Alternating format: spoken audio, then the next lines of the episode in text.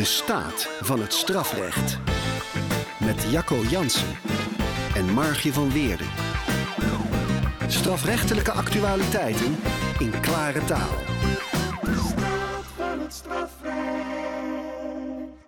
Welkom bij de zesde aflevering alweer van de Staat van het Strafrecht. De rechtspraakpodcast over actuele ontwikkelingen in het strafrecht. Elke maand, nou ongeveer elke maand, komen we bij elkaar om te praten over het strafrecht. En u mag meeluisteren.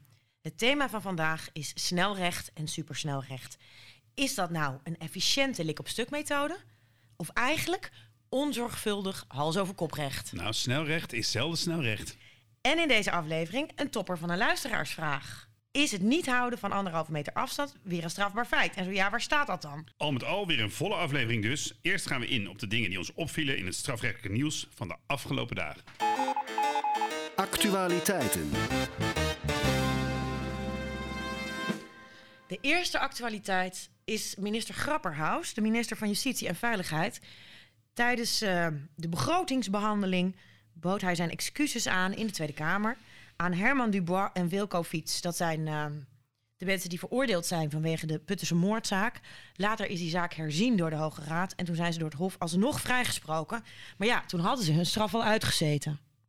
Ja, het was tijdens dat debat. Je zei het al, de justitiebegroting. Uh, uh, en opmerkelijk genoeg gaat hij daar, uh, gaat de minister van start met aandacht schenken aan Peter R. de Vries. En Royce de Vries, de zoon van Peter R. de Vries, zat ook op de publieke tribune. Samen met, met Herman Dubois. En, en de minister gaat dan, en ik citeer, zegt hij. Dubois en Fiets hebben misschien wel een financiële genoegdoening gekregen, maar nooit een morele. Publieke excuses zijn nooit gemaakt en dat heeft pijn gedaan. Al dus uh, de minister. En toen hij zei, dat spijt me, moest hij ook uh, snikken. Ja, mooi. Maar ook wel een beetje opmerkelijk. Want namens wie maakt hij die excuses dan precies? Ja, namens het kabinet. Dat is wat hij zegt. Ja, dat vind ik toch een beetje gek. Want misschien heeft het OM fouten gemaakt. De rechter misschien. Nou ja, hij zou het als eindverantwoordelijke van het OM dan misschien excuses kunnen maken. Maar namens het kabinet is, nou, staatsrechtelijk vind ik het ingewikkeld, maar het was wel mooi. Volgens mij is het ook bijzonder, want ik kan me niet herinneren dat dit bij eerdere dwalingen ook is gebeurd, of wel? Nou ja, ik ben ernaar gaan zoeken uh, of dat gebeurd is. Uh, en ik heb, ik heb er dus naar gekeken, maar volgens mij uh, niet. Er zijn best wel eens excuses gemaakt, bijvoorbeeld aan Lucia de B., hè, ook een, een, een gerechtelijke dwaling. Maar dat deed toen de voorzitter van het college van procureurs-generaal. Ja. Peter, Peter op zijn plek. Voorzitter college PG? Ja, dat is de, de hoogste baas van het Openbaar Ministerie. Ik denk dat we er in het nieuwe jaar maar eens een aflevering uh, aan moeten wijden. Aan dwalingen en herzieningen. En hoe het is om als rechter geen fouten te mogen maken. Dus stay tuned, luisteraars. Volgend jaar. Wat een mooie cliffhanger. De tweede actualiteit is het rapport van de Raad voor Strafrechtstoepassing en Jeugdbescherming, de RSJ.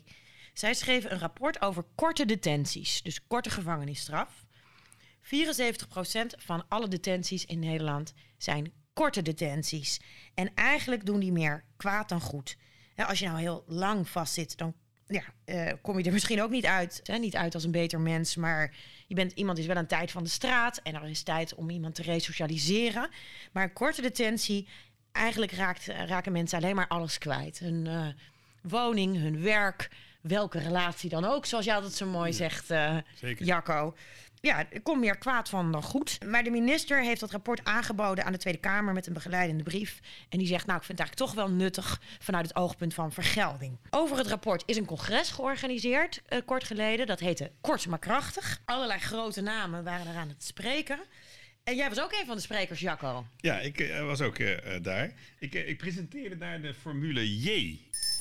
Ja, ik, ik ga het uitleggen, de Formule J. De J staat vast voor Jacco Jansen. Nou, de J staat voor Jacco of voor, of voor Jansen. Maar ik, ik leg het dus uit. Ik denk, en ik heb het wel vaker gezegd, misschien ook wel in deze podcast, dat de strafrechter in een strafzaak altijd de laagst mogelijke straf moet opleggen.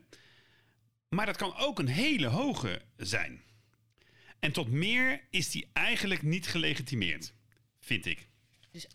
Eigenlijk zo laag als mogelijk, zo hard als nodig, zoiets. Ja, daar komt het op neer, uh, Markje. Jij hebt al goed uh, geluisterd. En, en op het, op het RSC-congres heb ik die formule uitgewerkt. Ik vind dus dat de strafrechter in raadkamer met zijn collega's moet kijken naar de strafdoelen die hij met, de straf beoogt. En als je dat nou kort opsomt, is dat vergelding, gehoor geven aan de maatschappij, maatschappelijke onrust, speciale en generale preventie. Deze dader mag het niet doen, anderen mogen het niet doen. En resocialisatie en herstel. Op, op, op enig moment moet het weer beter gaan met de verdachte. Nou, als je die doelen in oogschouw neemt, dan moet je kijken welke straf daarbij past. En als je die straf met elkaar hebt begroot, rekening houdend met alle strafdoelen, moet je volgens mij altijd kijken of het ook nog een stukje lager kan. Als het antwoord daarop is ja, het kan een stukje lager, moet je weer kijken of je dan nog steeds voldoet aan al die strafdoelen. Als het antwoord is nee, dan zit je op de meest passende straf. De formule J. Ik hoop dat die in de toekomst gebruikt zal worden. Ik ook. van het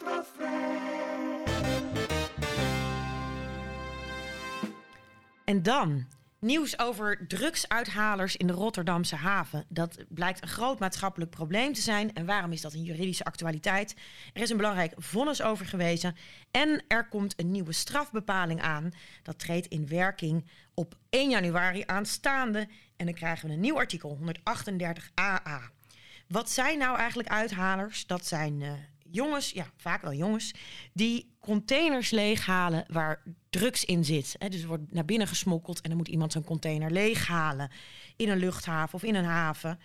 En ze worden niet altijd zwaar gestraft, want uh, als ze gepakt worden terwijl ze gewoon onbevoegd in een haven rondlopen. Wandelen. Ja, wandelen.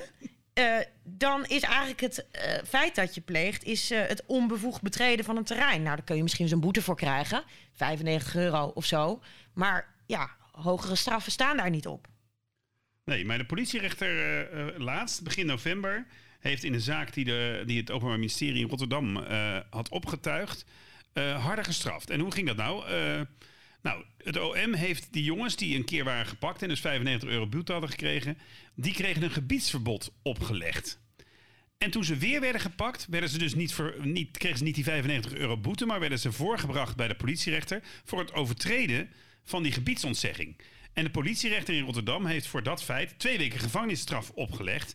En ook nog een maatregel waarbij twee weken gevangenisstraf volgt voor iedere nieuwe overtreding.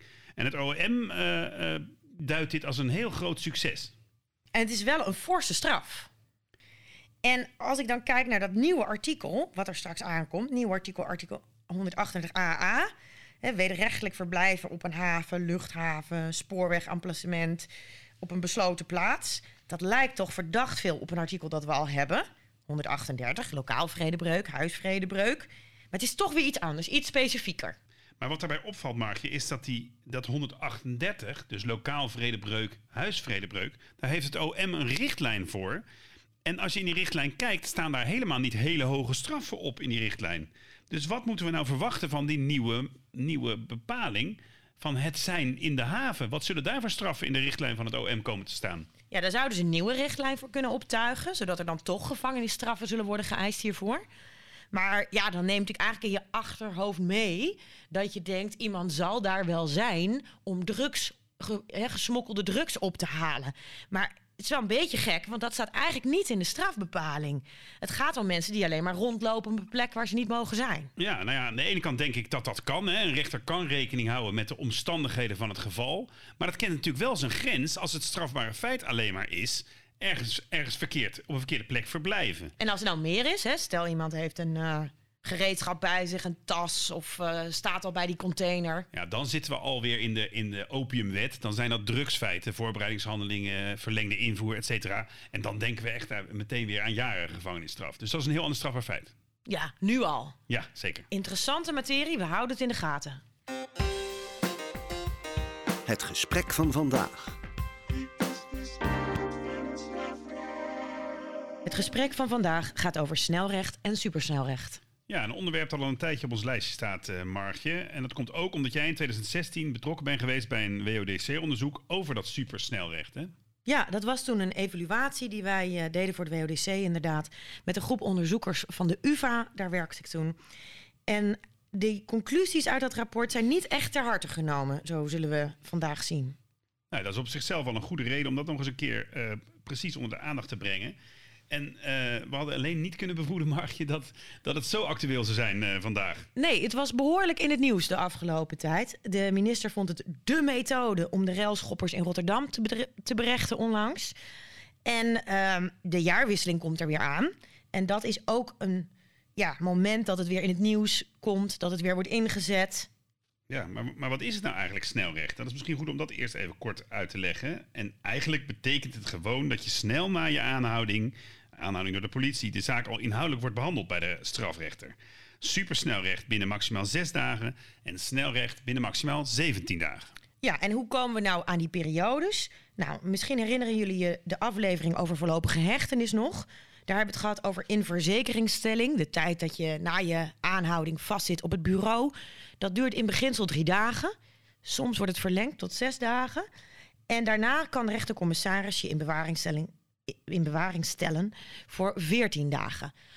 En als nou het dossier al wel rond is en de officier denkt: ik ga gewoon al een zitting organiseren en hij doet dat binnen de periode van in verzekeringsstelling, dan is het supersnelrecht. En in de periode van bewaring is het snelrecht. Ja, en de gedachte bij dat eh, snelrecht en bij dat supersnelrecht is in beginsel ook dat je je straf meteen uitzit. De lik op stuk gedachte. En dat is natuurlijk precies wat die bestuurder zo aanspreekt. Snel, lik op stuk. Maar snelrecht en supersnelrecht worden niet, wordt niet alleen ingezet na bijzondere evenementen, na rellen, Koningsdag, jaarwisseling. Het, er vinden eigenlijk elke dag dit soort zittingen plaats. En als ik dan kijk naar dat supersnelrecht, dus binnen een dag of drie, dat is wel meer iets van de Randstad. Als ik naar de cijfers kijk, zie ik vooral supersnelrecht in Den Haag en Rotterdam. Ook wel in Amsterdam. En vorig jaar ook een behoorlijk aantal in eh, rechtbank Zeeland, West-Brabant. Ja, en die gewone supersnelrechtzittingen, zoals we ze dan noemen, gaan vooral over veel voorkomende, eenvoudige feiten. Denk bijvoorbeeld aan een winkeldiefstal van iemand die dat vaker heeft gedaan, een veelpleger. Daar is supersnelrecht super geschikt voor. Het bewijs is overzichtelijk. Iemand wordt bijvoorbeeld aangetroffen bij de kassa eh, met onbetaalde producten. De diefstal staat op camera, zijn er beelden van. Of misschien eh, heeft de verdachte gewoon wel bekend. Daarnaast is er vaak bij zo'n feit geen schade. Waarschijnlijk heeft de winkelier de spullen gewoon teruggekregen. En als er wel schade is, is de winkel de benadelde partij. En die kunnen dan eenvoudig via een formulier een, een vordering indienen. Ja, en er komt ook steeds meer enthousiasme voor dat snelrecht en supersnelrecht. Het OM en de rechtspraak en een aantal andere organisaties hebben een actieplan opgesteld. Het actieplan strafrecht. Dat is een plan dat er vooral op ziet achterstanden die in de behandeling van zaken, die ook door corona is ontstaan, om die weer in te halen. En daar wordt ook ingezet op snelrecht en supersnelrecht voor dit soort veel voorkomende criminaliteit. Van, nou ja, daar voorkomen we dat zaken onnodig op de plank belanden. Dus het snelrecht zit in de lift. Weet jij nog, Jacco, hoe jullie toen begonnen in Rotterdam met dat snelrecht? Ja, in Rotterdam hebben we toch best wel lang geleden al hebben we een pilot eh, gehad met snelrecht. En dat was de eerste keer dat we dat dus deden in Rotterdam. En daar waren we allemaal druk mee. En eh, ja, we hadden er ook wel lol eh, in. Maar toen was uiteindelijk de dag van de zitting. En toen hadden we een rechter geselecteerd voor, voor die zittingen. En dat was een hele serieuze, gedegen eh, rechter. En eh, wat gebeurde er? Die snelrechtszitting was en eh, de, de, de zaken kwamen langs. En deze rechter hield de ene na de andere zaak aan voor nader onderzoek. En wij dachten toen van, nou, wat een, wat een zeurkous, wat een zeurkous. Hadden we dat niet anders moeten doen? Want de bedoeling is om die zaken snel af te doen. Maar inmiddels Zullen we zien dat ze misschien wel gelijk had? Ja, in de media en de politiek wordt snelrecht vaak in verband gebracht met bijzondere gebeurtenissen. De, de jaarwisseling, voetbalwedstrijden, avondklokrellen, eh, et cetera. En ministers en burgemeesters tamboerijnen dan fors op eh, snelrecht en op snel straffen, lik op stuk. En dan zeggen ze vaak dat het snelrecht en het supersnelrecht moet worden ingezet. Ja, en vanuit hun perspectief begrijp ik dat. Hè? Je wil een snelle, harde reactie. Maar eigenlijk is het snelrecht en vooral het supersnelrecht niet geschikt voor dit soort zaken. Nou, waarom niet? Ehm, zeker bij rellen. Dan gaat het vaak bijvoorbeeld om openlijke geweldpleging. Dan wil je nog beelden verzamelen en uitkijken. Wil je getuigen horen. Je moet inventariseren wat de schade is. Wat misschien eh, er is aan letsel. Of dat zwaar letsel is of niet. Hè? Of dat weer over kan gaan. Eh, je moet goed in kaart brengen wat de persoonlijke omstandigheden zijn van de verdachte. Als er een slachtoffer is, als het gaat om geweld, Die wil misschien het spreekrecht uitoefenen op de zitting. Misschien een vordering, een claim indienen. Dus die moet daar ook de tijd voor krijgen. Nou, dat gaat allemaal niet binnen een dag of drie. Nee, maar als we dan beloofd hebben, hè, het bestuur, de rechtbank, OM beloofd hebben dat er snel, uh, snelrechtszittingen zullen zijn, zijn er verwachtingen gewekt. En dan moeten die snelrechtszittingen er ook komen. En de verdachten die dan daar uh, vaak, soms verschijnen, ja, dat zijn vaak niet uh, de hoofddaders. Eerder zijn dat de meelopers, figuren die impulsief hebben gehandeld, hebben meegedaan. En, en ja, soms ook nog wel zichzelf in de picture hebben gebracht door, door zich niet te vermommen met een sjaal, mondmasker. Uh, en die, die personen worden dan relatief fors gestraft. En het risico bestaat dat zo'n zitting dan een soort symboolfunctie krijgt. En te veel zo'n symboolfunctie krijgt. En een kanaal wordt om, om uiting te geven aan de maatschappelijke verontwaardiging. Of een, om een signaal af te geven aan de samenleving. En je moet je daarbij afvragen, vind ik, is dat nou wel een taak van de rechter? Ja, je wilt natuurlijk geen verlengde zijn van het bestuur. Het is niet je taak om publieke signalen af te geven. Je wilt ook niet doof zijn misschien voor wat er in de samenleving speelt. Maar uiteindelijk is je taak om recht te doen aan een individueel dossier en dat te beoordelen. Zelf denk ik, hè, zeker zo kort op de feiten, zo'n berechting in de heat of the moment, dan ja, krijg je vaak een heigerigheid in zo'n zaak. En dat komt de noodzakelijke rechterlijke distantie niet ten goede. En ja, hoe, hoe ervaar jij dat, Jacco, als rechter? Is het dan moeilijk om die maatschappelijke druk om snel en hoog te straffen, om die te weerstaan? Of ja, valt het, wel mee? Het, het, goede antwoord is natuurlijk, uh, uh, ja, nee, daar zijn we hartstikke goed toe in staat. Hè? Dat, dat is het goede antwoord. Maar, maar ja, we zijn ook, ook mensenrechters. Uh, en, en dat is best een lastige opgave op zo'n snelrechtszitting. Hè, je zit daar alleen als politierechterzitting en de hele zaal zit vol met, met media, waaronder vaak televisiecamera's. En, en dan moet je aan de gang. En dan moet je, hè, dat is je opdracht, een onafhankelijke feitenvaststelling uh, maken. Dus op basis van het dossier moet jij de feiten vaststellen. Maar jij en ook iedereen in de zaal ja, heeft veel meer kennis van die feiten. Namelijk zo'n zo rel of zo'n zo'n zo'n oud en nieuw uh, gebeuren. Ja, is natuurlijk uitvoerig in de media geweest. Dus daar moet je dan weer van loskomen.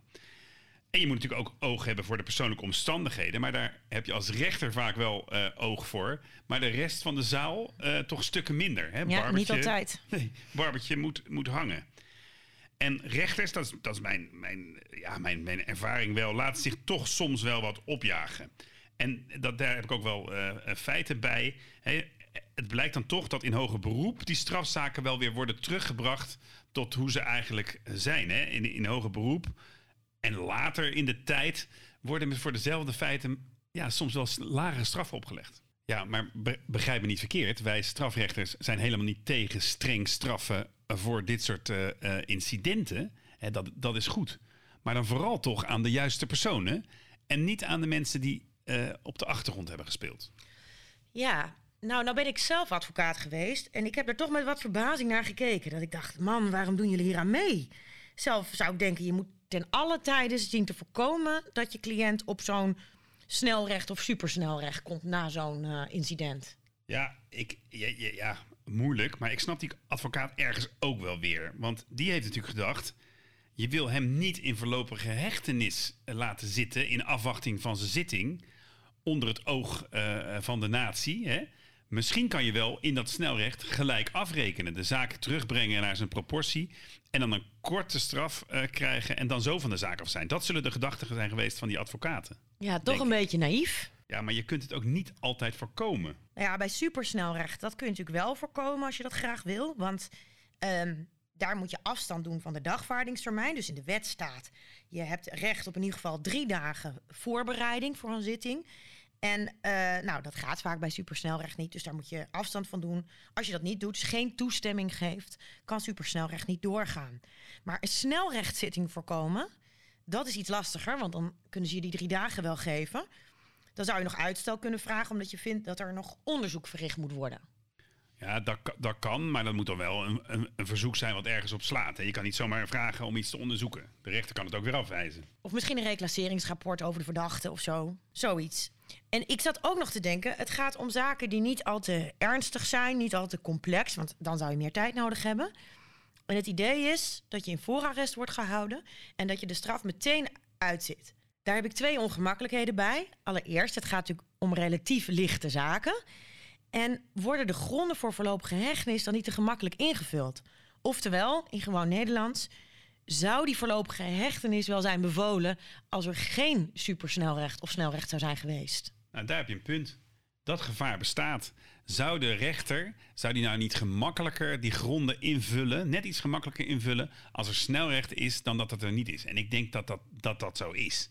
En, en dat, is, dat is natuurlijk een gevaar, want, dan wordt het, het snelrecht met de voorlopige hechtenis ingezet om die zaak snel af te doen, bovenop die stapel te krijgen.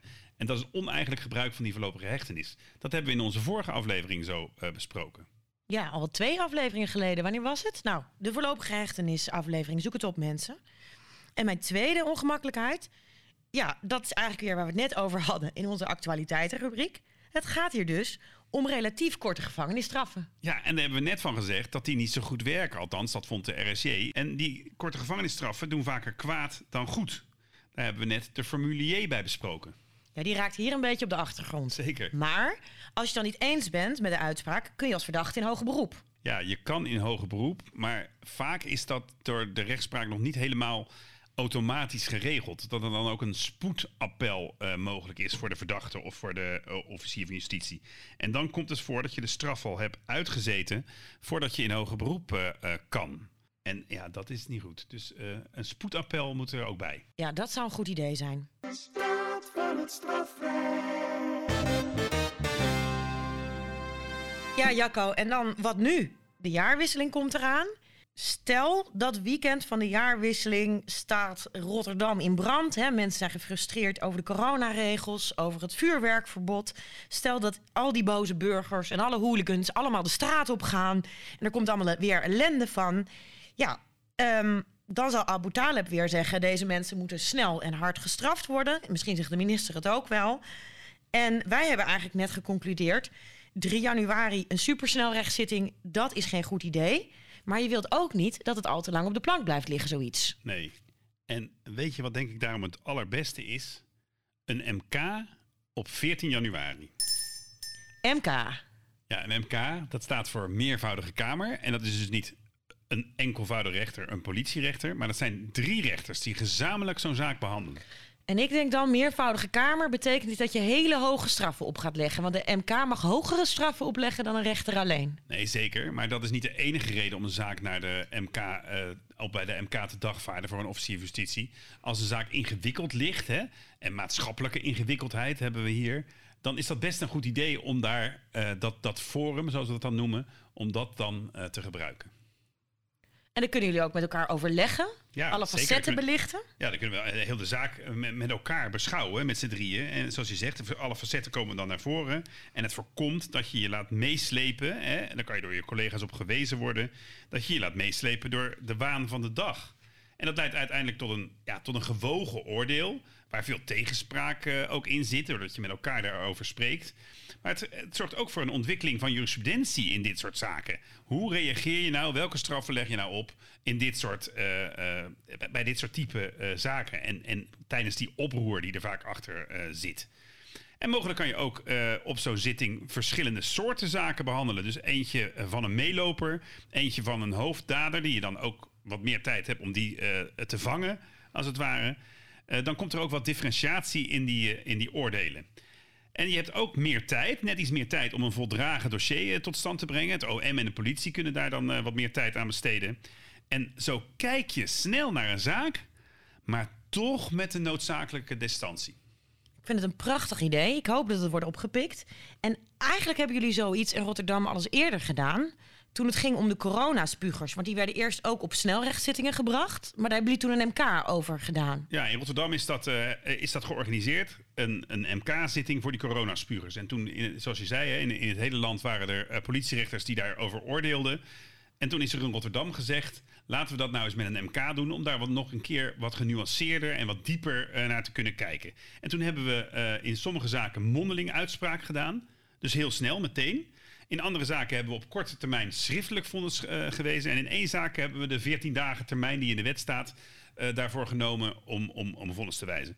Ja, het was best een, eh, een geslaagd experiment. En zoiets kan dus ook met de jaarwisseling. Een MK op 14 januari.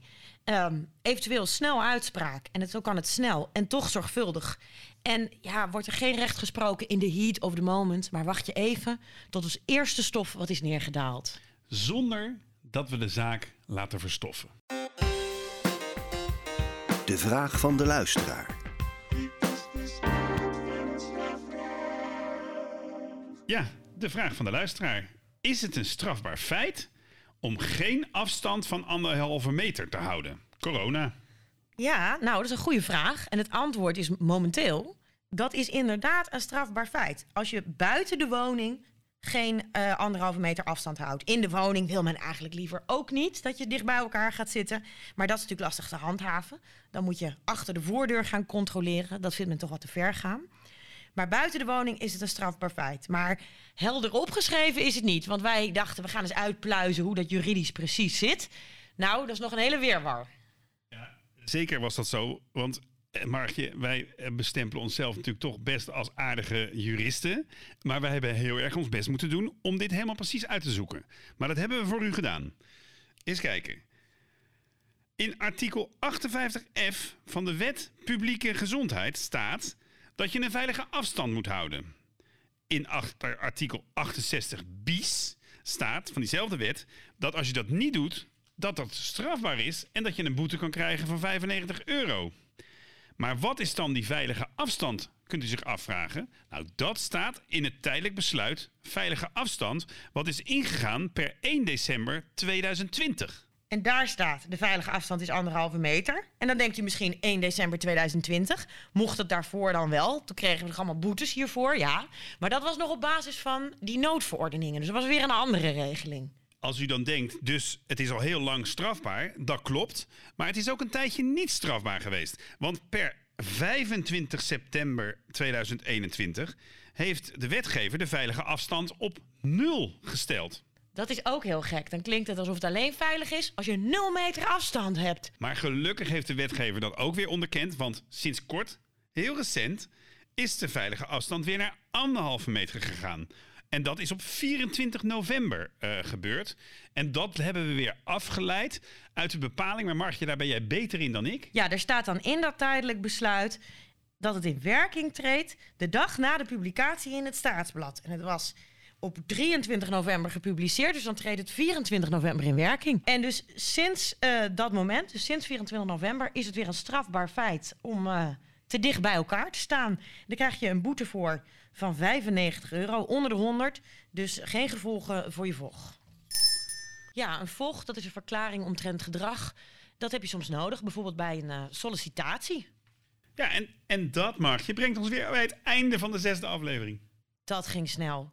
Abonneer je vooral in je favoriete app op onze podcast, zodat je geen aflevering mist. En laat een recensie achter. Ja, het liefst vijf sterren. Dan zijn we ook beter te vinden in de app.